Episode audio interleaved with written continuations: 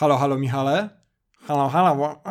Nie, jakkolwiek bym chciał, nie umiem naśladować aksamitnego głosu Michała, ale nie martwcie się, Michała nie ma we wstępie, ale będzie we właściwym odcinku. Po prostu, jak to się nam w sumie często zdarza, zapomnieliśmy nagrać intro, a teraz nie mamy warunków, żeby nagrać to w dwójkę, czy też w dwóch, bo chyba tak powinno się mówić zgodnie z regułami języka polskiego. Tak czy owak, w tym odcinku będzie zimna wojna i jak e, zorientowaliśmy się w 25 minucie nagrania, jest to zimna wojna z ostrymi spoilerami, także jeżeli, jeżeli jeszcze nie widzieliście, to koniecznie nadróbcie.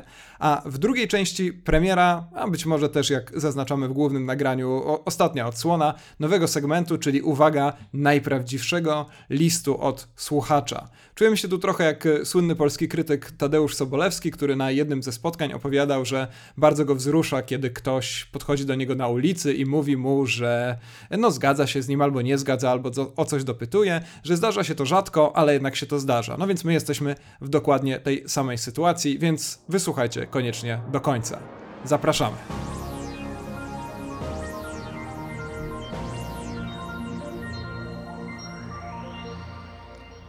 Obejrzeliśmy Zimną Wojnę Pawła Pawlikowskiego, film doceniany, e, film nagradzany, wyróżniany, film, na który z tego co słyszałem e, tłumy chadzają. Nie wiem jak na twoim seansie, na moim e, było dosyć sporo osób w kinie. A ty byłeś na jakiejś przedpremierze? Któryś z nie, 15 przedpremier? Nie, w byłem w miarę niedawno na tym filmie, ponieważ wczoraj to było, zatem film już jest grany od dni kilku, no a poza tym cały tydzień jak wspomniałeś, różnych przedpremier e, było. Podobno wówczas się kina rzeczywiście wypełniały po brzegi.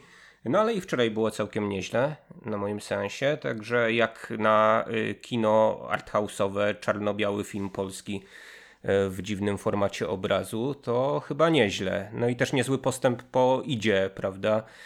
Podobnie zrealizowanym filmie, który no, na dzień dobry poległ w kinie.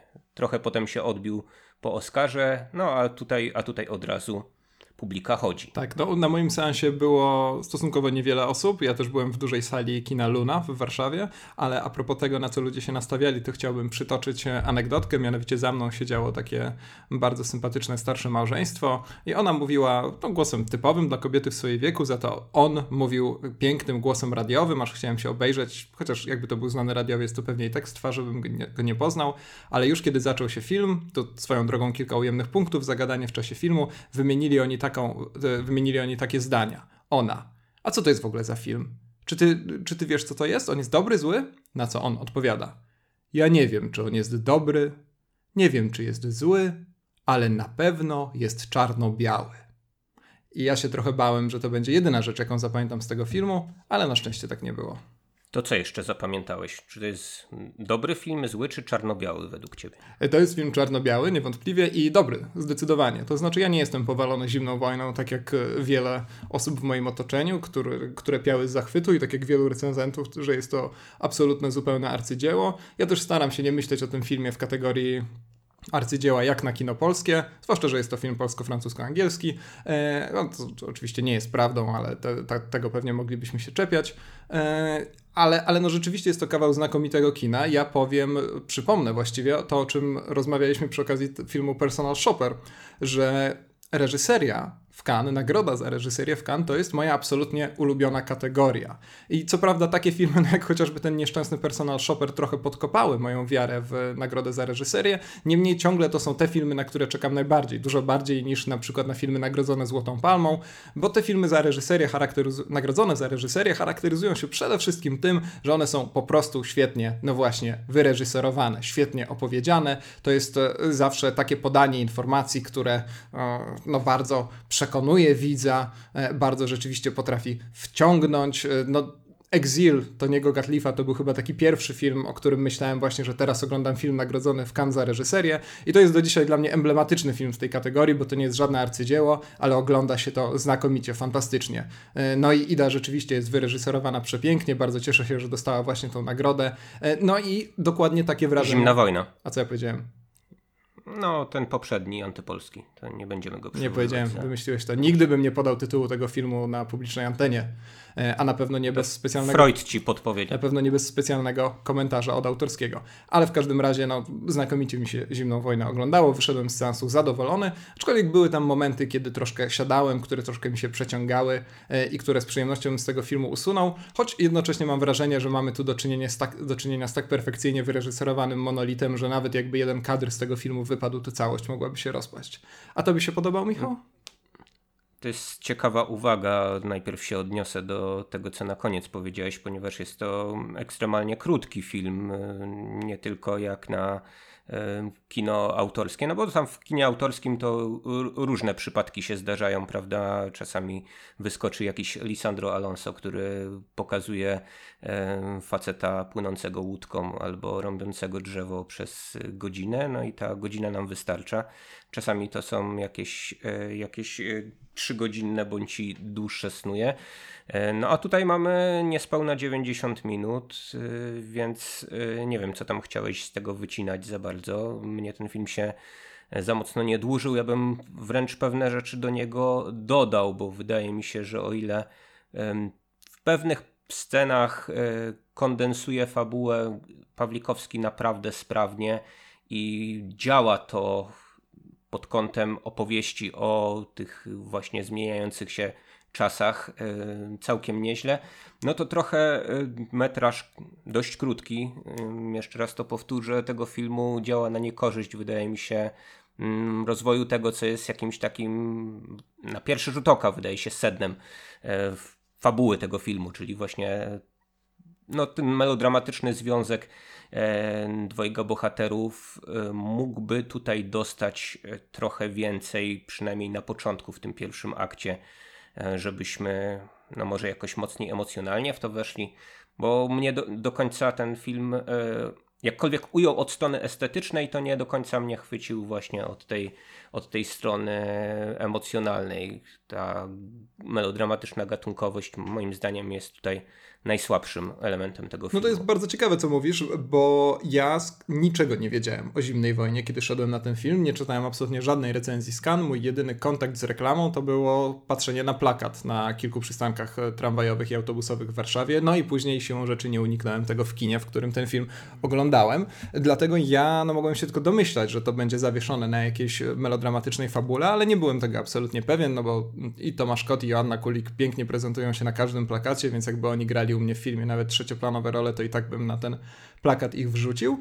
E, ale mnie z kolei bardzo podoba się ten zabieg właśnie, że w pierwszym akcie tak naprawdę ten wątek melodramatyczny to jest tylko jeden z 15 wątków, które być może w głowie widza, który nie wie o czym jest ten film, mogą się z tego gąszczu wyłonić. E, I to jest według mnie fantastyczny zupełnie zabieg, to, że ja e, znając, no, rozpoznając te wszystkie twarze, no bo tam jest i Kulesza, i Szyc, e, więc miałem, wydaje mi się, w pełni uprawnione podejrzenia, że któryś z nich także będzie głównym bohaterem tego filmu, więc nie wiedziałem do końca, w którą stronę Ida pójdzie i nagle w taki bardzo sprawny mm, sposób się ten wątek melodramatyczny wyłania. A jednocześnie podoba mi się to, że Pawlikowski przedstawia, stawia nas przed faktem dokonanym. To znaczy, między tą dwójką ludzi jest już uczucie. I tyle. Tam jest taki bardzo fajny skrót, to znaczy skrót emocjonalny, bo niekoniecznie fabularny, e, kiedy oni gdzieś patrzą na siebie zaraz po jednym z pierwszych występów Mazowsza, pardon, Mazurka,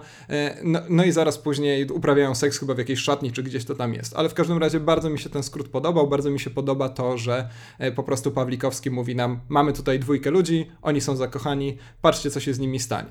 Aczkolwiek doskonale rozumiem ten problem z brakiem zaangażowania emocjonalnego i to jest właśnie mm, takie moje podstawowe pytanie do ciebie, chciałbym, żebyś rozwinął ten wątek, a my często, kurczę, wymieniamy się jakimiś takimi bardzo formalnymi rzeczami. Rozwiń ten wątek, interesująca kwestia i tak dalej. Na co dzień przecież tak nie rozmawiamy, nie? To, to, to jest ciekawe, co mikrofon robi z człowiekiem. Ale w każdym razie rozwiń ten wątek właśnie problemu z emocjonalnym zaangażowaniem w kontekście tej formy, bo to jest zarzut, który ja nieraz słyszałem, także w, w odniesieniu do Idy, że ten film jest po prostu zbyt ładny, żeby emocjonalnie się nim przejąć. E, to może być przyczyna. Rzeczywiście tu mamy mm, Złośliwi by powiedzieli y, zestaw takich pocztówek, widokówek, y, które no bardzo ładnie wyglądają jako kadry same w sobie. Wydaje mi się, że z tego filmu naprawdę można byłoby wyciąć mnóstwo świetnych fotosów, takich do oprawienia od razu i powieszenia na ścianę. I być może tutaj właśnie Pawlikowskiego e, taka fotogenia, to upodobanie do estetyzacji każdego kadru jednak e, gubi. Być może przez to właśnie, że on mm, tak mocno narzuca się tą formą wizualną, sprawia, że mnie jako y, widzowi nawet trudniej się skoncentrować na losach bohaterów, bo, bo bardziej interesuje mnie to, czym w danym kadrze, bo już nawet nie w danej scenie, y, zaskoczy y, Pawlikowski, to znaczy w jaki sposób za pomocą głębi ostrości wydobędzie coś tam z trzeciego albo czwartego planu, no albo gdzieś tam właśnie dla, y, tak trochę dla niepoznaki, no ale oczywiście z pełnym zamysłem y, wrzuci jakiś szczegół, który no potem ma rezonować y, w innym fragmencie filmu. No i tutaj to może być rzeczywiście tak, przyczyna, przyczyna dlaczego ten film jest taki chłodny. Druga sprawa, wydaje mi się, że mm, no jednak sama, e, sama poetyka takiego e, czarno-białego, e, sterylnego. Trudno mi znaleźć inne słowo, ale to chyba, chyba, jest, chyba jest niezłe. Sterylnego kadru właśnie, właśnie wymusza trochę to, że no ten film, tak jak tytuł, jest jednak zimniejszy niż, niż taki, który no by się, nie, nie powiem mienił kolorami, ale co no jednak miał, miał, miał trochę więcej, e, więcej jakichś, e, jakichś takich e, barw, niuansów. Tutaj no, Pawlikowski wydaje mi się, że w, w niektórych scenach nawet wkłada w usta bohaterom takie dialogi, które mają e, potwierdzać to, jak pięknie w tym kadrze dookoła nich jest. To nie tylko mówię o tej ostatniej sekwencji, ale no dzieje się to parę razy w tym, w, tym filmie. No nie wiem, no w każdym razie e, to, co, to, co dla ciebie jest, jest zaletą, czyli ten, ten skrót właśnie na początku, to danie nam e, tej miłości tak do przyjęcia, że a tutaj piorun w nich uderzył, tak e, spotkały się. To jest jak, miłość, jak piękna rzecz. Nie, no tak, dwa serduszka, cztery oczy, tak. Oj, oj, oj. Od razu, e, tak, i oj, oj, oj, i, i, i, i, oj, oj, oj. i po, po, potem Właśnie, właśnie tak, właśnie, właśnie tak jest, że są dwa serduszka, cztery oczy, jak, jak w tej piosence przewijającej się przez cały film, a potem już yy, no oj, oj, czyli no to, co z tą miłością się dzieje. Yy, znowu, nie wiem, jakbyś to interpretował, czy dzieje się ze względu na to, że właśnie w takich, a nie innych czasach bohaterowie żyją, czy oni po prostu od początku są tak odlegli od siebie, tak do siebie niedopasowani, że no te melodramatyczne przeszkody, bo zawsze się jakieś melodramatyczne przeszkody muszą pojawić, związane z historią. No, w Casablance też były związane z historią, więc, więc mamy tutaj e, jakieś takie, jakieś takie wzorce mm, no, wielkie, można powiedzieć, gatunku. E, czy to ze względu Mm, na to. Boże, zgubiłem wątek, ale. Dobra, to, to, to ja teraz. Nadążasz chyba za tym. Ja się co... teraz włączę w takim razie sprawnie, żeby, żeby cię uratować. E, I właśnie ja, ja, to jest właśnie ten moment, e, czy też ten wątek, o którym wspomniałem na początku, że mnie trochę męczył, czyli po prostu główny wątek filmu. Zwłaszcza te sceny paryskie. No, mnie się już naprawdę nie chciało oglądać tej historii artysty na wygnaniu i trudnej miłości, tego rozpaczliwego przekraczania granic politycznych, emocjonalnych i tak dalej. I to jest taki fragment który mnie bardzo zmęczył. Nie ukrywam, że to też wynika z mojego pewnego zawodu, e, ponieważ ja, no właśnie, nie wiedząc o czym jest ten film, e, po cichu liczyłem, że być może będziemy bardziej eksplorować ludowe rejony Polski, ludowe rejony Polski, jakkolwiek cokolwiek miałoby to znaczyć, e, zaraz po II wojnie światowej, bo ten wczesny komunizm, zwłaszcza w tym obszarze, to jest coś, o czym ja dużo nie wiem, coś, co mnie szczególnie fascynuje, muszę przyznać, i, i nie ukrywam, że właśnie to połączenie tej takiej postapokalipsy z tym ludowym anturażem to było coś, co w pierwszych 20-25 minutach filmu bardzo mnie chwyciło, więc troszkę żałowałem, że poszliśmy właśnie w tę stronę melodramatyczną, aczkolwiek jednocześnie powtarzam cały czas to, co powiedziałem na początku, że podobało mi się, jak ten jeden wątek E, nawet jeżeli później jestem nim trochę zawiedziony, wyłania się z tego gąszczu wątków, które na początku się pojawiają. E, znalazłem takie bardzo fajne określenie chyba, nie wiem, w IndieWire? Tak, w IndieWire, nawet sobie zapisałem, e, że to przesłuchanie do Mazurka, mm, przesłuchanie, które miało zdeterminować, czy ktoś nadaje się do tego zespołu ludowego, czy nie, to jest postapokaliptyczny odcinek Idola, bo jak wygrasz eliminację, to nie, nie zostajesz sławą i tak dalej, ale dostajesz po prostu miejsce do spania i trochę do jedzenia. E, I to, to był zupełnie fantastyczny klimat, no, fantastyczny, bardzo, bardzo ekscytujący, tak bym, go, tak, tak bym go raczej określił, no nie jest to absolutnie nic przyjemnego. E, więc, więc no w rezultacie troszkę się rozczarowałem, że film jest o czymś innym, ale to już setki razy mówiłem, że to jest taki najgorszy rodzaj krytyki, że ja bym zrobił o czymś innym. E, fascynujące jest swoją drogą to, że wydaje mi się, że tam nikt nie ma żadnych wspomnień z wojny, nie? Wydaje mi się, że tam w ogóle wojna nie zostaje wspomniana w żaden sposób, a chociaż film zaczyna się 5 lat po końcu II wojny światowej.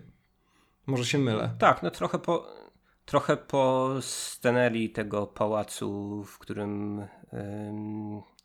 no, rozpoczyna się ten casting, tak? Mo można się zorientować, że no, jakaś zawierucha wojenna tam, e, tam przeszła, ponieważ no, nie jest to taki e, pałac, pałac, tylko widać jakaś, e, jakaś pozostałość. Też nie powiedziałbym ruina, ale, no, ale obiekt, który no, opuścili wcześniejsi, wcześniejsi gospodarze, dosyć jednak dotknięty właśnie e, tym, e, tym zębem czasu. No i wydaje mi się, że to, o czym wspomniałeś e, wcześniej, to że ten film na początku właśnie przypomina recenzentowi bądź recenzentce, nie wiem kto tam pisał do IndieWire, e, e, ten cast, casting do Idola, tak, czy do jakiegoś inne, innego talent show e, współczesnego, no to jest no, takie, to, takie dosyć, dosyć powszechne skojarzenie. No, jedna z, z, z takich prób właśnie mm, skrojenia tego filmu na modłę właśnie mm, nie, ty, nie tyle na modłę, co skrojenie tego filmu do przyjęcia w ogóle go przez, e, przez publiczność e, na zachodzie, przynajmniej tą taką, taką bardziej wykształconą. Z drugiej strony byłem cokolwiek zaskoczony, że mimo, że dosyć często padają w tym filmie mm, różne daty, pojawiają się plansze z kolejnymi e, latami, ponieważ ten film jest rozciągnięty e, no, na przynajmniej dwie dekady,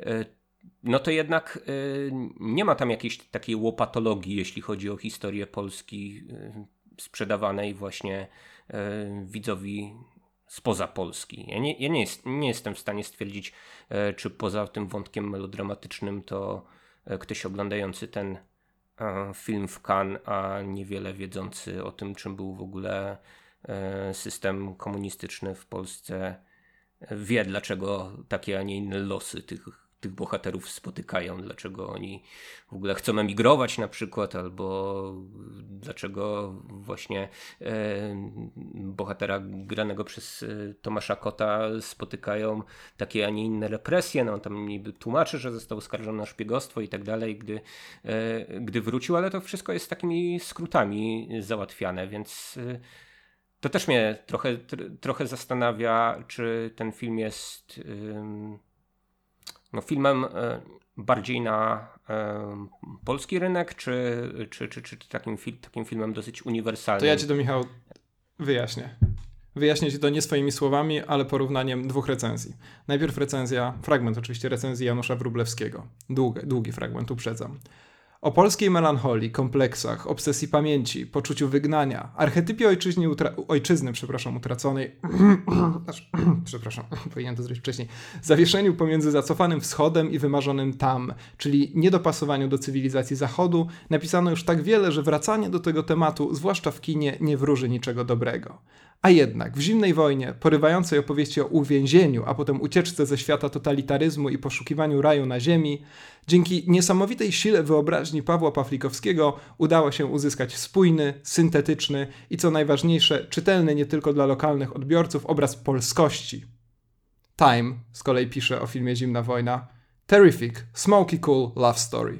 Także dla każdego coś miłego. Mm, czyli działa na dwóch płaszczyznach jednak, tak? To może... Tak, tak, jak najbardziej. No ja przeczytałem dość sporo tych recenzji zagranicznych właśnie, żeby mm, zorientować się jak wygląda odbiór tego filmu y, bez takiej bardzo dobrej znajomości tych wszystkich kontekstów, o których wspomniałeś i o których napisał Wróblewski w polityce e, i wydaje mi się, że nie ma z tym żadnego problemu. E, w tej samej recenzji w Time Tomasz Kot został porównany też do Clive'a Owena, ponieważ jest podobnie dashing and magnetic, więc jak widzisz Pawlikowskiemu udało się Polsko, po, Polakom właśnie pokazać jakąś tam wizję polskości i tak dalej, i tak dalej, choć ja nie ukrywam, że zupełnie nie odbierałem tego filmu na tym poziomie, a tymczasem ludziom, którzy niekoniecznie wiedzą, na czym polegał komunizm, znają tylko zupełne podstawy, wiedzą po prostu, że przeszkadzał na przykład w tym, żeby dwoje ludzi było razem i było szczęśliwych, co myślę, że całkowicie im wystarcza, no właśnie to dla nich jest to ta smoky cool love story. To znaczy nie odbierałeś Tomasza Kota jako Clive'a Owena, tak? W trakcie tego filmu. Wydaje mi się te porównania takie tego typu to e, wynikają jednak e, chyba głównie z fizis e, bohaterów, bo Tomaszowi Kotowi chyba e, równie trudno się ogolić, co Clive'owi Owenowi. To jest ten typ człowieka, który, wiesz, ma zarost trzydniowy 15 minut po goleniu, więc, więc na, to, na, na to bym zrzucał jednak to porównanie przede wszystkim. E, tak, no tutaj muszę przyznać, jeżeli chodzi o Tomasza Kota, to był to być może jedyny film, e, jaki widziałem z Tomaszem Kotem kiedykolwiek, w którym ten Tomasz Kot e, nie podobał mi się tak bardzo, jak zwykle mi się podoba. W ogóle aktorzy byli prowadzeni w bardzo dziwaczny sposób, bardzo charakterystyczny. Nie twierdzę, że to jest coś złego. To widać bardzo dobrze po postaci Borysa Szyca. Szyc w ogóle tam tworzy taką bardzo dziwną kreację tworzyć kreację. To jest bardzo, bardzo brzydkie sformułowanie, ale ja ją w całości kupuję, albo zacząłem ją kupować mniej więcej powiedzmy po pięciu minutach słuchania Borysa Szyca i patrzenia na niego na ekranie, ale kot z jakichś powodów, które trudno mi uchwycić, e, nie do końca mnie w tym filmie kupił. To znaczy w ogóle między dwojgiem głównych bohaterów jest rozdźwięk bardzo duży ja się zastanawiam, czy takie było od początku założenie Pawlikowskiego, czy czy, ten, czy to, że właśnie czytamy ten film takimi polskimi kodami mocnymi, e, ja spotkałem się bodaj na dwutygodniku Iwona Kusz pisze o tym, że Joanna Kulik jest w ogóle dla niej taką metaforą polskości z tym takim swoim właśnie trochę chaotycznym trybem działania, emocjonalnością i tak dalej. E, no, podczas gdy właśnie e, Tomasz Kot no, jest, jest po prostu tym polskim inteligentem, który no, kocha ojczyznę, tak? I nie tyle, e, nie, nie, nie tyle tę, tę postać właśnie Joanny Kulik przyjmuje jako uosobienie kobiecości, co właśnie jakąś taką, taką metaforę tego, czym, czym Polska jest jest w ogóle, więc, więc można, można no tak, i w takie mnie to... rejony.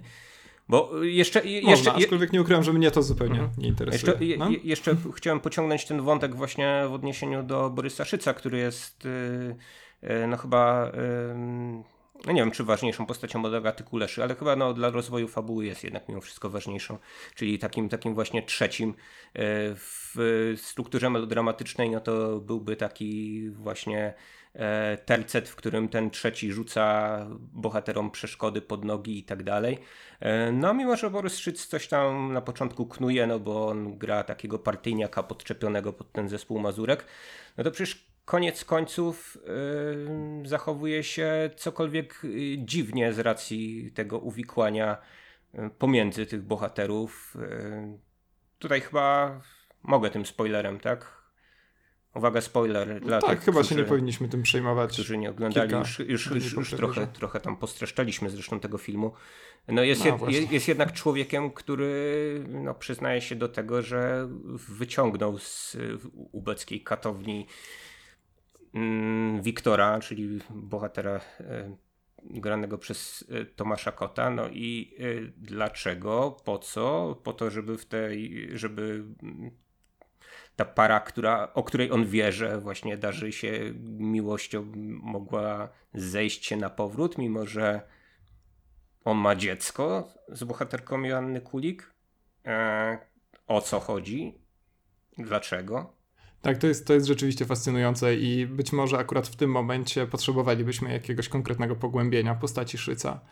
Bo rzeczywiście wydaje mi się, że tutaj nawet wychodzimy poza takie standardowe YouTube, YouTube'owe czepianie się dziur w fabule, czy pewnych absurdalnych e, decyzji, czy motywacji bohaterów. Ja się wcześniej na tym nie zastanawiałem i faktycznie teraz się na tym zastanawiam. I teraz nie będę mógł spać, będę o tym myślał. Znaczy, myślał wydaje mi się, że jego dziecko, za dużo, za, Borysie, za dużo takich zwrotów akcji, czy rzeczy, które się wydarzają w tym filmie jest po prostu nam dane, tak, do przyjęcia. I nie wiem, być może właśnie Pawlikowski tutaj jakoś my mydli oczy, chce to zamaskować tymi ładnymi obrazkami, bo ja się zacząłem zastanawiać nad y, y, taką y, sceną która no, do pewnego stopnia jest klamrą, to znaczy w jakiś sposób powraca, jeśli chodzi o scenerię tych dwóch scen.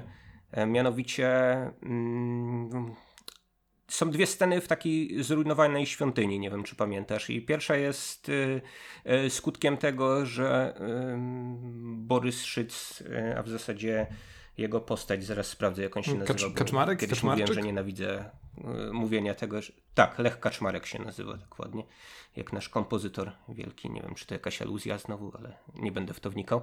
W każdym razie ta pierwsza scena z Lechem Kaczmarkiem wynika z tego, że w trakcie no, objazdu y, tą furgonetką okolicznych y, wsi, no on po prostu się za potrzebą udaje gdzieś tam, no i dostrzega jakieś tam e, ruiny świątyni, wchodzi do środka, no i zaczynają go fascynować e, trochę już takie obdrapane freski naścienne.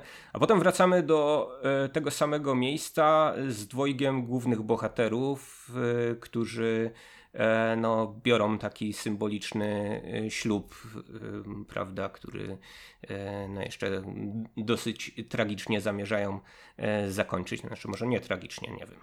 Wydaje, wydaje mi się, w każdym że razie tragicznie. W, dla, w każdym razie, dlaczego, y, znaczy nie, wiem jak on się skończy, natomiast nie wiem, czy to jest tragedia z ich Ach, no tak, perspektywy. Być może to dla, dla nich jest czymś pozytywnym. W, każ w każdym razie, e, dlaczego oni trafiają do tego samego miejsca, skoro wcześniej oni tam raczej chyba nie byli, a przynajmniej film w żaden sposób nam tego nie sugeruje, ani e, w żaden sposób emocjonalnie z tym miejscem nie byli związani, ponieważ takiego, jeżeli jak ktoś tam doznał jakiegoś estetycznego olśnienia to tylko Borys Szyc, y, przepraszam, Lech Kaczmarek. Tak nam ten film sugeruje. Y, nie wiem, znowu Paweł Pawlikowski tak bardzo się zachwycił e, przestrzenią no, tej, y, tej świątyni, że musi nam ją pokazać właśnie dwa razy, nie zważając na jakąś specjalną tak, logikę. Tak, faktycznie to jest pewien problem, że ta świątynia nie niesie ze sobą żadnej takiej wewnątrzfilmowej symboliki, żadnego takiego ciężaru emocjonalnego, tak jak mówisz, że wcześniej oglądamy tam tylko Borysa Szyca, ja nie mam tego problemu, dla mnie to jest Borys Szyc, e, który po prostu patrzy sobie raz na jedną ścianę, raz na drugą, raz na sufit, a nie ma sufitu e, i tyle. I później rzeczywiście to jest dość zaskakujące, że akurat tam te postaci e, dokonują tego ostatecznego aktu komunii ze, sam, z samymi sobą i ze światem w ogóle, no, albo antykomunii właściwie, nie wiem jak to powiedzieć. E, w każdym razie swoją drogą tu się muszę przyczepić e, po raz kolejny niestety w polskim filmie nagrywania dźwięku, ponieważ ja oczywiście nie usłyszałem ostatniego zdania w tym filmie, tak jak nie zrozumiałem wielu poprzednich, wielu wcześniejszych dialogów, ale dopiero kiedy nie zrozumiałem ostatniego zdania, które brzmi bodajże tam, tam widok jest ładniejszy, czy, czy z daleka widok jest piękny, czy jakoś tak, e, no to to mnie rzeczywiście bardzo sfrustrowało, że jakby film się kończy, kończy się bardzo efektownie, a ja głównie myślę o tym, co powiedziała Joanna Kulik, ponieważ jest to kolejne zdanie wypowiedziane przez aktora w tym filmie, czy też aktorkę, którego nie zrozumiałem.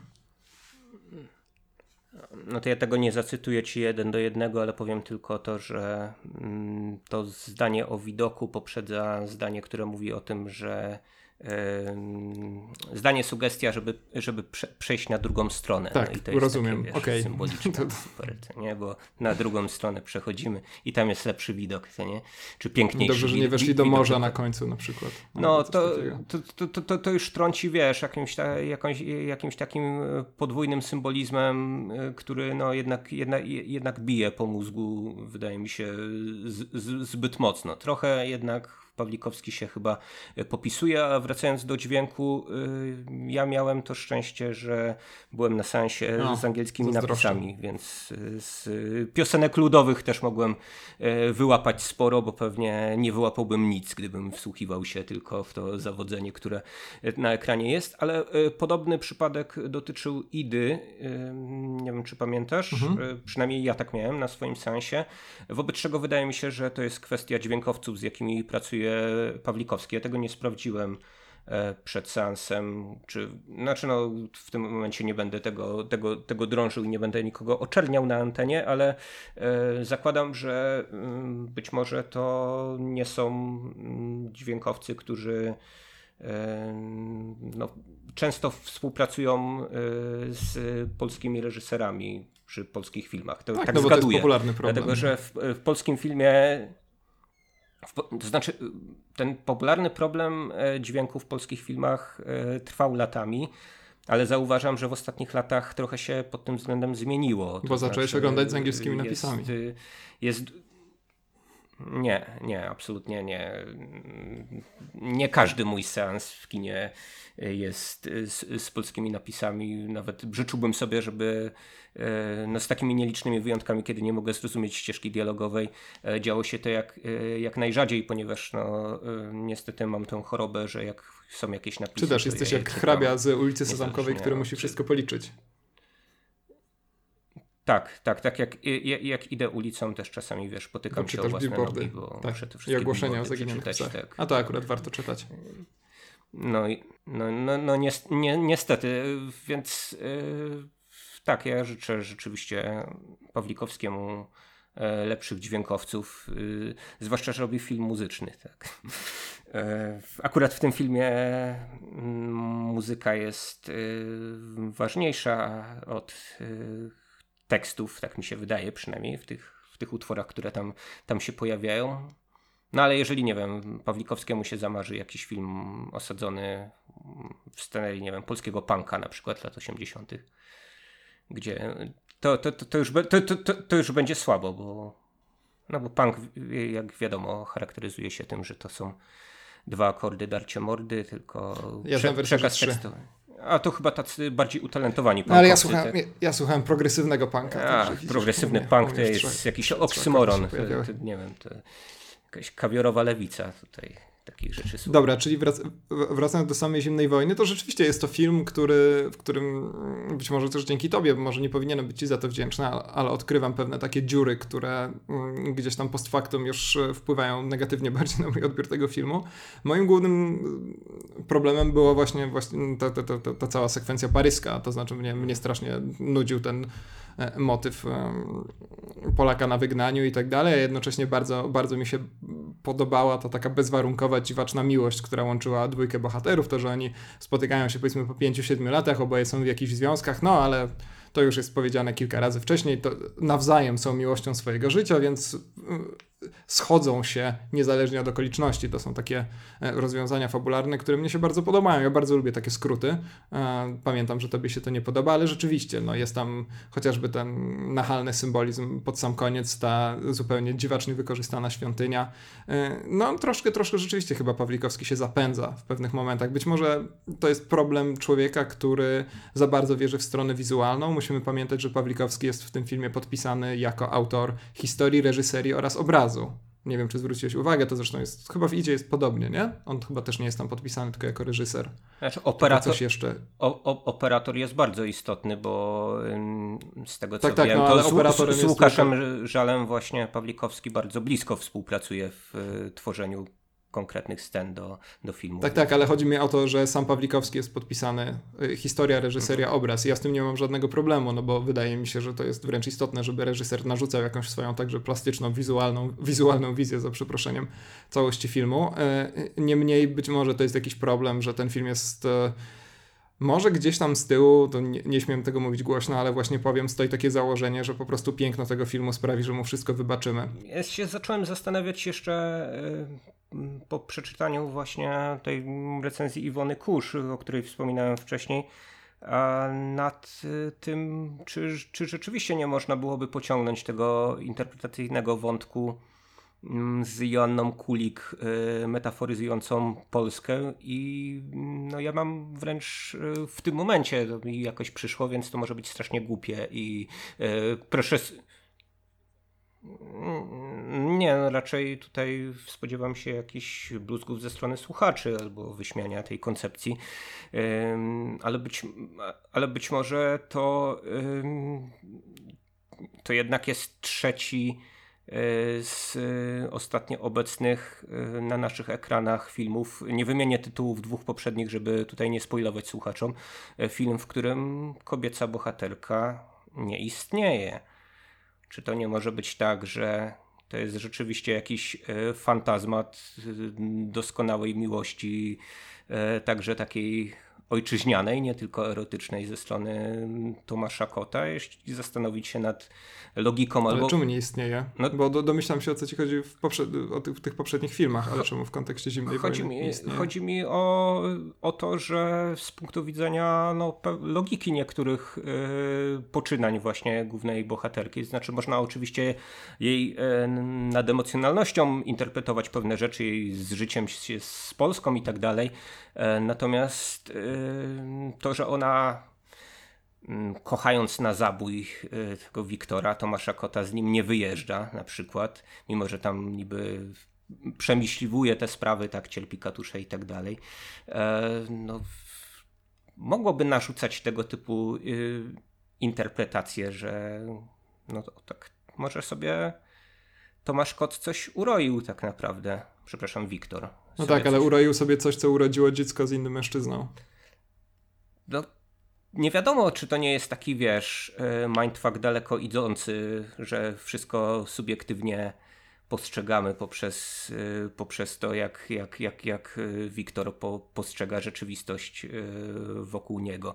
Oczywiście nie jest to tego typu mind game movie, który ci na początku pokazuje tę straszną woltę, że tutaj a bohaterka nie żyje od 10 lat i tak naprawdę jest jakimś duchem nawiedzającym bohatera.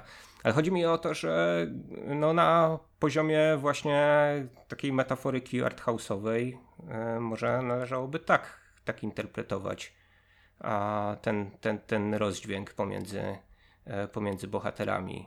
Też jego taką, taką dosyć e, e, no jednak dziwną decyzję, no bo tu inaczej no to wszystko trzeba by motywować właśnie tym takim totalnym zaślepieniem miłosnym, natomiast mówię o decyzji o powrocie do kraju, bo, bo to też ma miejsce po iluś tam latach, prawda? I oni się tak spotykają, niby wybuchają namiętnością na, na moment, ale potem przecież życie się toczy, tak, i mijają kolejne lata i, i co pomiędzy tak naprawdę? Może to są jakieś dziwne, dziwne flashbacki e, fiksującego emigranta na paryskim bruku i tak dalej, i tak dalej. Co ty na to? Znaczy, wydaje mi się, że w tekście jest jednak, to, to jest oczywiście fascynujące, co mówisz, jak zawsze Michał, wszystko co powiesz jest fascynujące, nawet jak książkę teofioniczną recytujesz, to zawsze najśmieszniejsze nazwiska znajdujesz. E, przepraszam za ten rym brzydki. E, niemniej wydaje mi się, że w tekście jest trochę za mało tropów, żebyśmy poszli taką interpretacją, ale wydaje mi się, że to działa jako metafora. No właśnie nie czytałem tego tekstu Iwony Kurz w tygodniku, ale wyobrażam sobie właśnie, że działa to w ten sposób, że mamy tego polskiego intel inteligenta, który e, nawet jeżeli tylko od czasu do czasu gdzieś tam z ojczyzną się spotka, to jednak e, wybucha ta jego wielka namiętność do kraju matki i ojca mm, i, i rzeczywiście zrobi wszystko, żeby do niej wrócić, nawet ryzykując ileś tam lat w więzieniu. E, nie ukrywam, że jednocześnie mnie taka interpretacja najzwyczajniej w świecie nudzi. Mm, jak ja po raz kolejny słyszę o metaforze polskości, e, syntetycznym opisie naszych relacji z ojczyzną, matczyzną i tak dalej, to po prostu automatycznie głowa mi się składa na najbliższej poduszce. Jeżeli nie mam takiej poduszki w pobliżu, to po prostu jadę do domu i idę spać. E, ale absolutnie zdaję sobie sprawę z tego, e, że to, co powiedziałeś, rzeczywiście jako metafora pewnie, pe, pewnie wielu interpretatorom idealnie by zadziałało i zagrało. No to rzeczywiście można ten film tak odbierać Pytanie po co, no ale jasne, tego nikomu nie zabronię. No ja ci... Ale wydaje mi się jednocześnie, że, że, że, że, że postać Kulik to nie był, nie wiem, Haley Joel Osment z Szóstego Zmysłu na przykład. No Choć nie trywializuj tak tej było- mojej wspaniałej interpretacji, rozpiszę ci to, tak, wiesz, tak scena po scenie, kiedy obejrzę ten film raz jeszcze, będziesz miał lekturę do poduszki. Na... To znaczy, to by był super e, clickbait na YouTube'a. Naprawdę, na YouTubie największą karierę właśnie robią takie różne dziwaczne teorie, więc e, wpiszemy e, teoria, mm, zimna wojna, szalona teoria, Joanna Kulik była duchem. To ja chę- chętnie i się- myślę, chętnie że będzie spotkam na takie 112 Do, odsłon. dodatkowe nagranie, możesz umówić mnie, nie wiem, z Krzysztofem Kłopotowskim na przykład, który będzie utrzym- utrzymywał, fantastycznie. że Joanna Kulik jest antypolską na przykład, a ja będę mówił, że ona jest polską i będzie, będziemy no się to widać, prawda? Joda. To od razu się kojarzy z jogą. Ja usiłuję naśladować Krzysztofa Kłopotowskiego, ale mimo, że zacytowałem go niemal bezpośrednio, to nie umiem naśladować tego pięknego, niskiego głosu, więc nie będę próbował dalej. Tak. Czy to jest film antypolski? Na sam koniec chciałem cię zapytać w takim razie. E, Nie wiem, poczekam aż mi Jacek Kurski powie, czy to jest film antypolski. Wolę już nie mieć własnych opinii. Nie, oczywiście to nie jest film antypolski, wręcz przeciwnie. Wydaje mi się, że to jest film e, ekstremalnie, wręcz pro, propolski, jeżeli koniecznie chcielibyśmy iść takimi e, totalizującymi kluczami, że to faktycznie jest o Polakach jako narodzie, o Polsce, o, o Polsce jako zjawisku, które gdzieś tam w kącikach naszych serc zawsze schowane czeka i tak dalej. Niemniej ja naprawdę wolę odbierać ten film po prostu jako tragiczną historię miłości dwóch bardzo konkretnych osób, czyli Zuli i Wiktora, a ta polskość niech tam z tyłu kołacze sobie gdzieś. To jest według mnie najlepsze rozwiązanie. Okej. A masz jakiś pomysł na interpretację tytułu? Dlaczego to jest zimna wojna? E, Jezus, nie wiem, ten tytuł mi się tak strasznie nie podoba. Czy, Naprawdę. czy to nie jest takie tytuł jest tak brzydki, jest tak po prostu, że to dobrze brzmi? Tak mi się wydaje właśnie. No, no koszmarny jest ten tytuł. To znaczy, ja, ja też nie zagłębiałem się w niego szczególnie, nie starałem się go interpretować, ale wydaje mi się to jakimś tak okrutnie prymitywnym zabiegiem, żeby wziąć e, pewien termin, który ma bardzo mocne skojarzenia historyczne i wykorzystać go, przyłożyć go chociażby do takiej indywidualnej historii.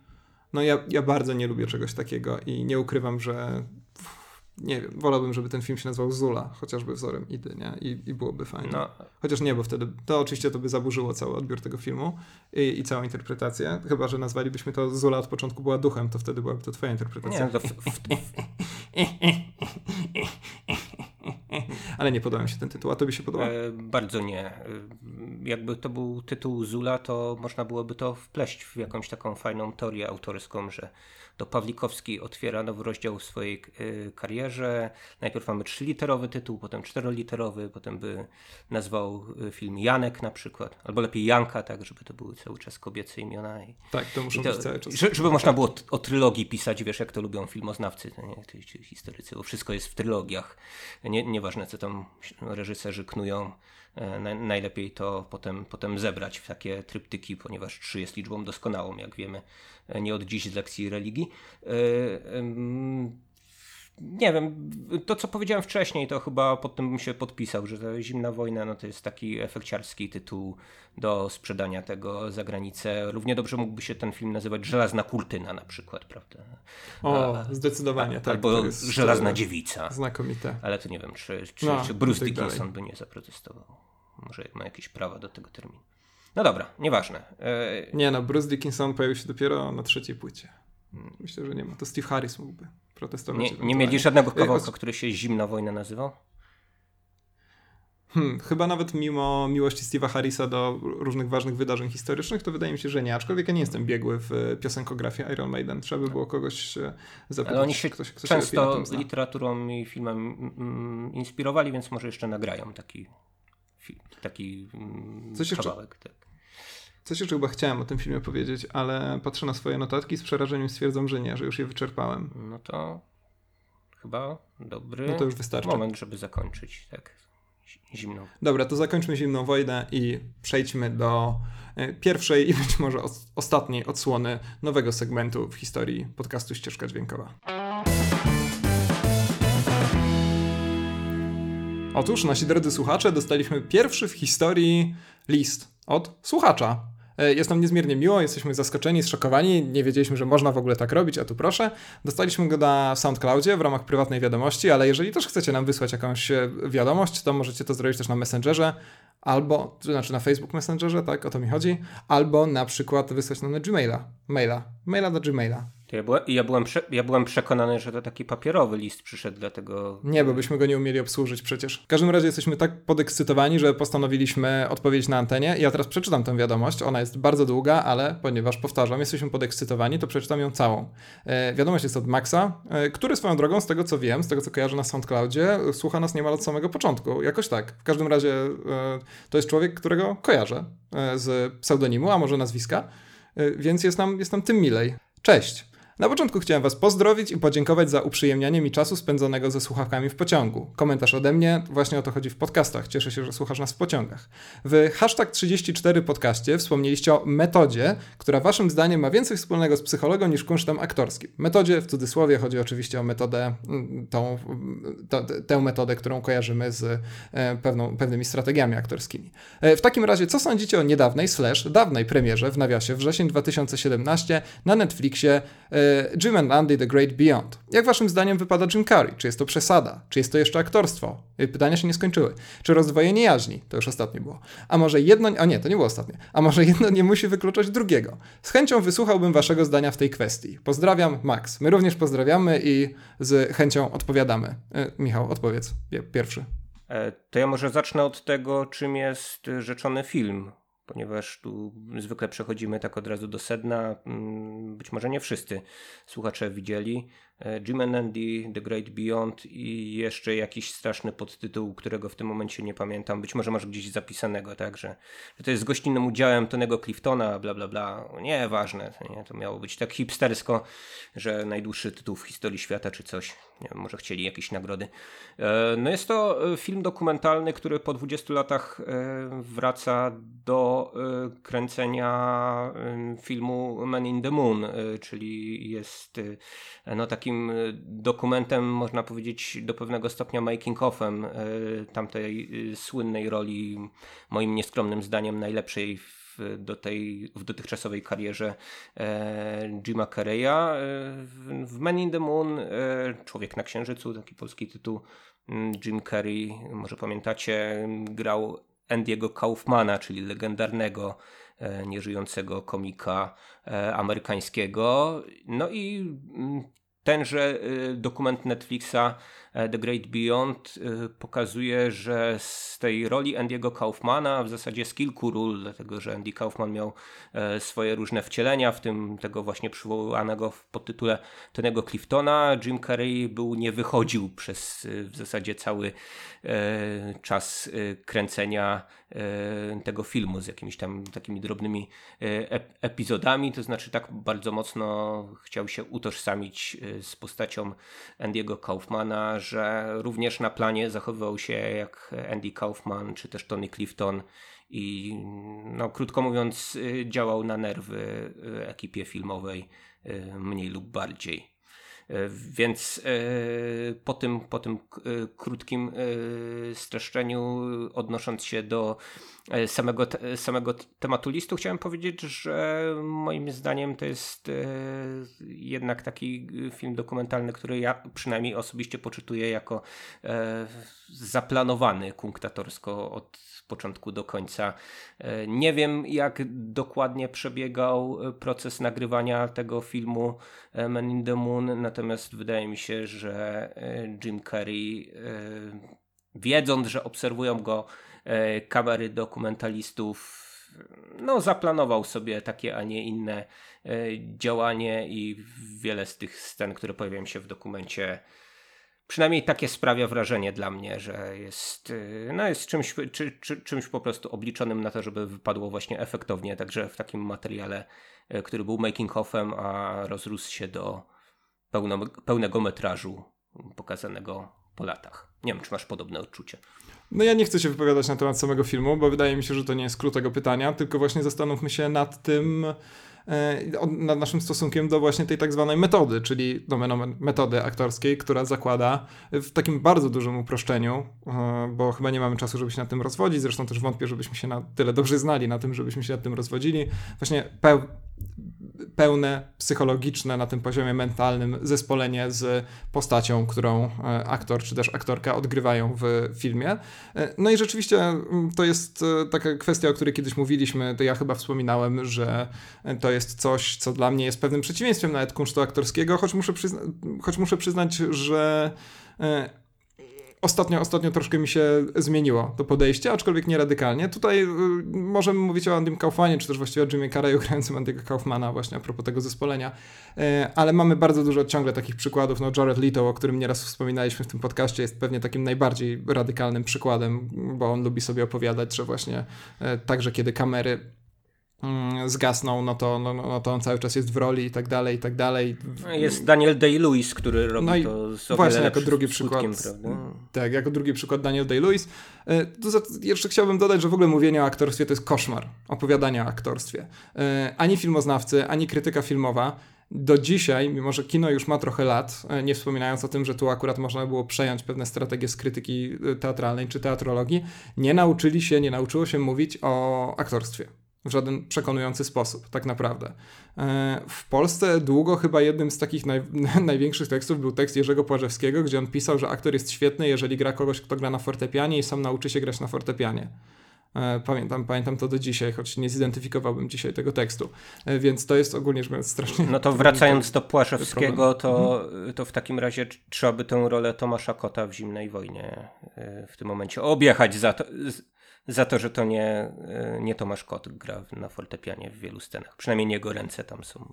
Tak, no ale w, każ w każdym razie mój problem z metodą zawsze wynikał właśnie z tego, że ja sobie wyobrażałem mm, aktora jako tą osobę, która za pomocą rzeczywiście kilku gestów, e, pewnej mimiki, e, opracowanych zachowań jest w stanie oddać pewną kreację, a niekoniecznie po prostu maksymalnie spolić, zespolić się z postacią, którą odgrywa i robić to również poza, w momencie, kiedy kamery jej nie nagrywają, bo to właśnie, tak jak tutaj napisałeś, Maxie, mnie osobiście kojarzy się właśnie z jakąś, z, z, z, z jakąś psychologią gdzieś tam graniczącą być może z hochsztaplerką, z jakąś psychologią, z jakąś zagrywką psychologiczną właśnie. No nie, to ja powiem znowu, skoro tutaj ze swoim światopoglądem yy, wyszedłeś, yy, ogólnie, nie odnosząc się tylko i wyłącznie do tego e, przypadku, że mnie tak naprawdę interesuje efekt ekranowy, ani środki, jakimi do niego się dochodzi. I e, to, czy ten aktor, który odgrywa policjanta, zrobił to, bo e,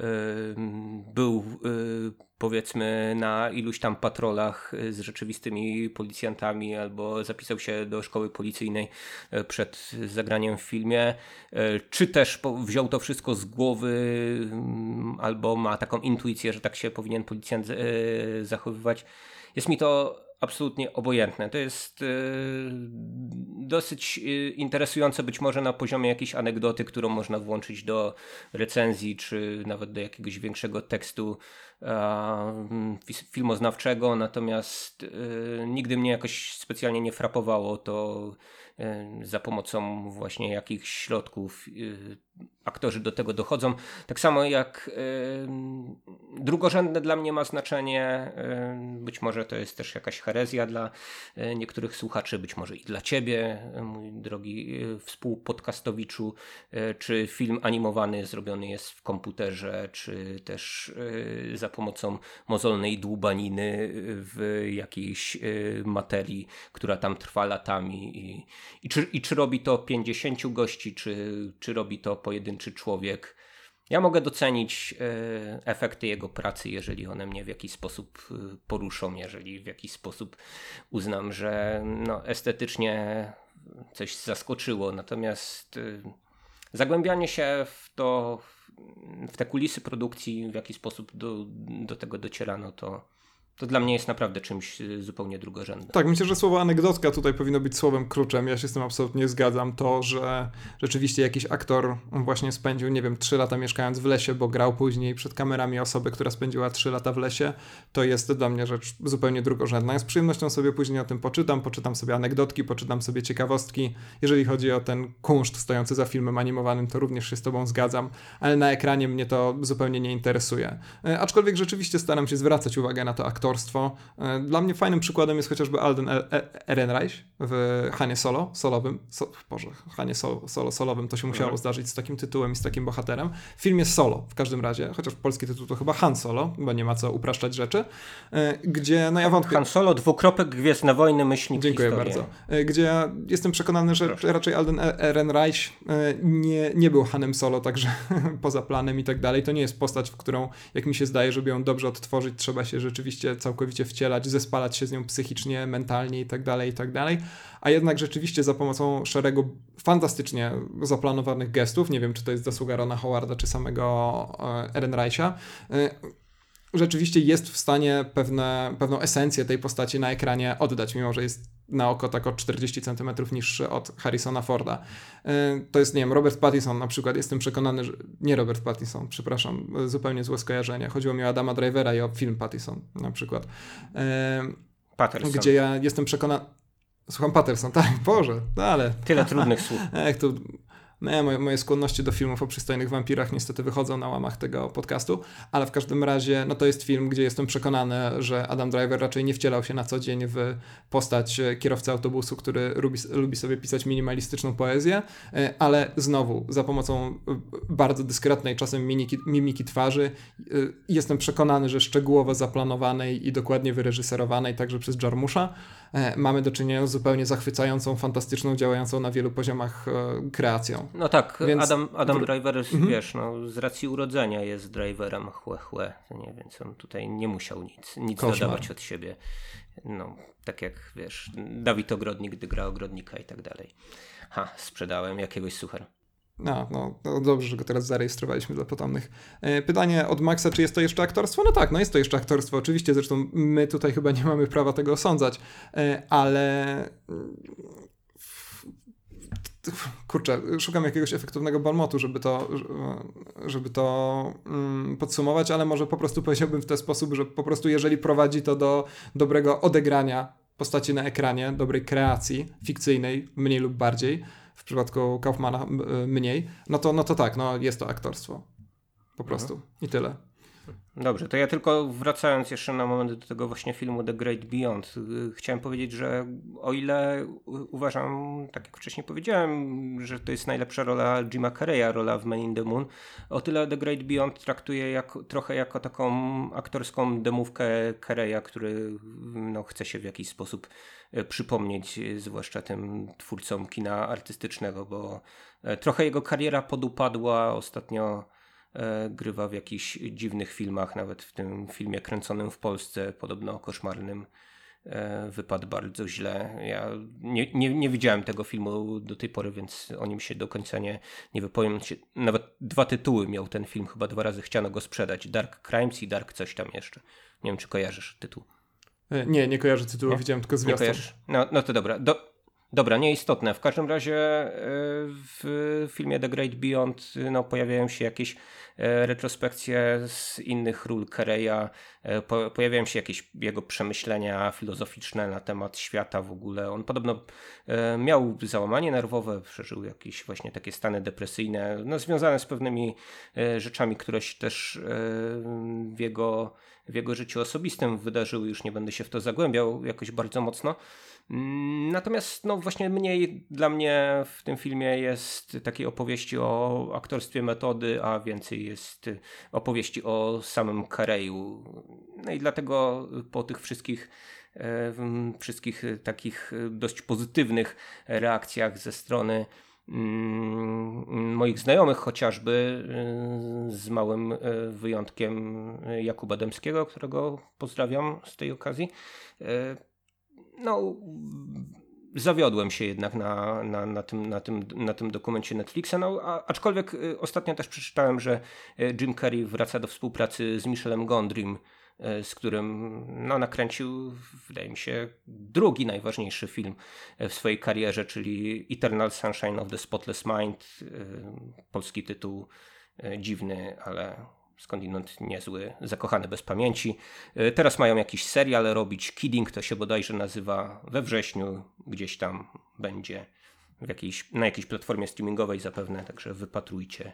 Być może Jim Carrey wraca. Tutaj Max jeszcze wspomina, że my wspominaliśmy z kolei, to tak jak mówiłem na początku pewnie ja, że metoda ma więcej wspólnego z psychologią niż kunsztem aktorskim i ja tutaj się przyznam, że ostatnio miałem okazję z różnych powodów, które nie będę się tutaj wgłębiać, e, zmierzyć się z jakimiś podstawowymi ćwiczeniami aktorskimi i muszę przyznać, że troszkę mm, muszę obniżyć kategoryczność tej, zakładam, że mojej wypowiedzi e, i przekonałem się jeszcze mocniej o tym, że nie jesteśmy, a ja na pewno, dobrze wyekwipowani do tego, żeby, żeby opowiadać o aktorstwie, a tym bardziej, żeby mówić, co jest aktorstwem, a co nie. Dobra, to podsumowując, bardzo dziękujemy za tę wiadomość. Mam nadzieję, że nasza odpowiedź jest przynajmniej w 20% zadowalająca i zachęcamy wszystkich do wysyłania nam pytań, bo tak to się kończy odpowiedzią przez ponad 20 minut. Tak, piszcie listy, to wtedy załatwicie nam tematy kolejnych odcinków. Nie będziemy musieli się głowić na temat tego, co tutaj omawiać na antenie, tylko będziemy odpowiadać tak, na listy. Tak, odcinki odcinki ukazują się tak rzadko, bo nie wiemy po prostu, o czym mają być te odcinki. Także piszcie w listach, o czym mają być odcinki, a może się kiedyś ukażą. po prostu. E, niech to będą, nie, niech po prostu będą dwa słowa w tych listach, e, temat odcinka i, i tyle. I my coś wykombinujemy. Dobra, no to dziękujemy bardzo w takim razie za wysłuchanie i i co? I do usłyszenia. Chyba, że jeszcze chcesz coś dodać, Michał, no. bo ja tak e, autorytarnie kończę. No, dodam to, co zwykle, chyba sayonara żółwie piszące i niepiśmienne.